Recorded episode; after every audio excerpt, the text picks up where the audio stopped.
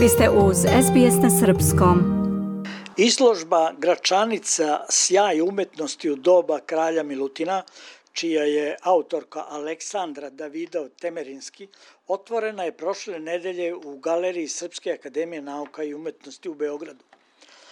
Nedavno su okončani konzervatorski radovi na celokupnom zidnom slikarstvu Gračanice u organizaciji Republičkog zavoda za zaštitu spomenika kulture Beograd, institucije koja je 2022. godine obeležila 75 godina rada. Takođe, 2021. godine navršilo se punih sedam vekova od završetka oslikavanja Gračanice i važne epohe srpske srednjovekovne istorije. S obzirom na to da je estetske vrednosti arhitekture i slikarstva Gračanice moguće predstaviti samo posredno. Najveći deo izloženog materijala čine printovi arhitekture i slikarstva velikih dimenzija uz doprinos novih tehnologija. Predstavljanje trodimenzionalne arhitekture poseban je izazov, pa će videoanimacija izgradnje jedne od najznačajnijih srednjovekovnih zadužbina omogućiti posetiocima da steknu uvid u proces izgradnje, odnosno u elemente građevine i njenu konstrukciju. Izložbu je otvorio državni sekretar u Ministarstvu kulture Miodrag Ivanović. On je kazao.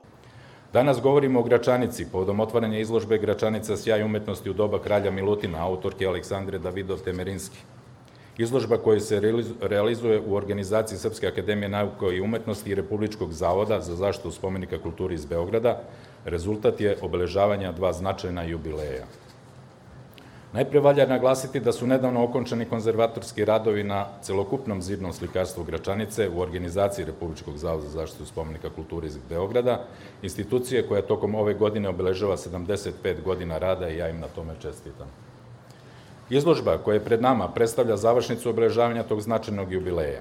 Takođe, prošle godine navršilo se punih sedam vekova od završetka oslikavanja Gračanice i važne epohe srpske srednjovekovne istorije četiri decenije duge vladavine kralja Milutina, koji je nažalost preminuo nedugo po završetku oslikavanja svoje poslednje crkve.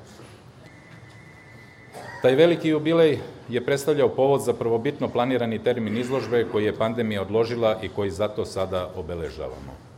Iako je nemoguće Gračanicu fizički približiti, ova izložba će nam pokazati kako savremene tehnologije mogu da nam prenesu novi, nakon restauracije, osnaženi efekat gračaničkog živopisa, iznova očišćenog, zaštićenog i predstavljenog.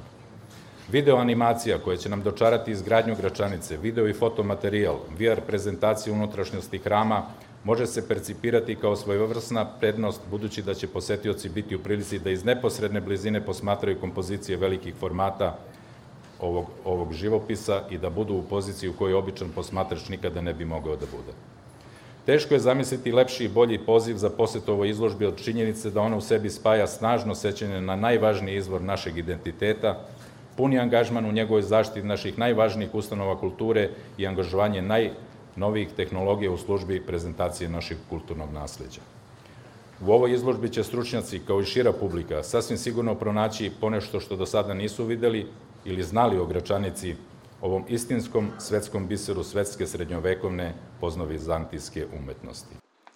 Izložba, koja će trajati do 23. februara, je realizovana uz pokroviteljstvo Ministarstva kulture Republike Srbije i Sekretarijata za kulturu grada Beograda.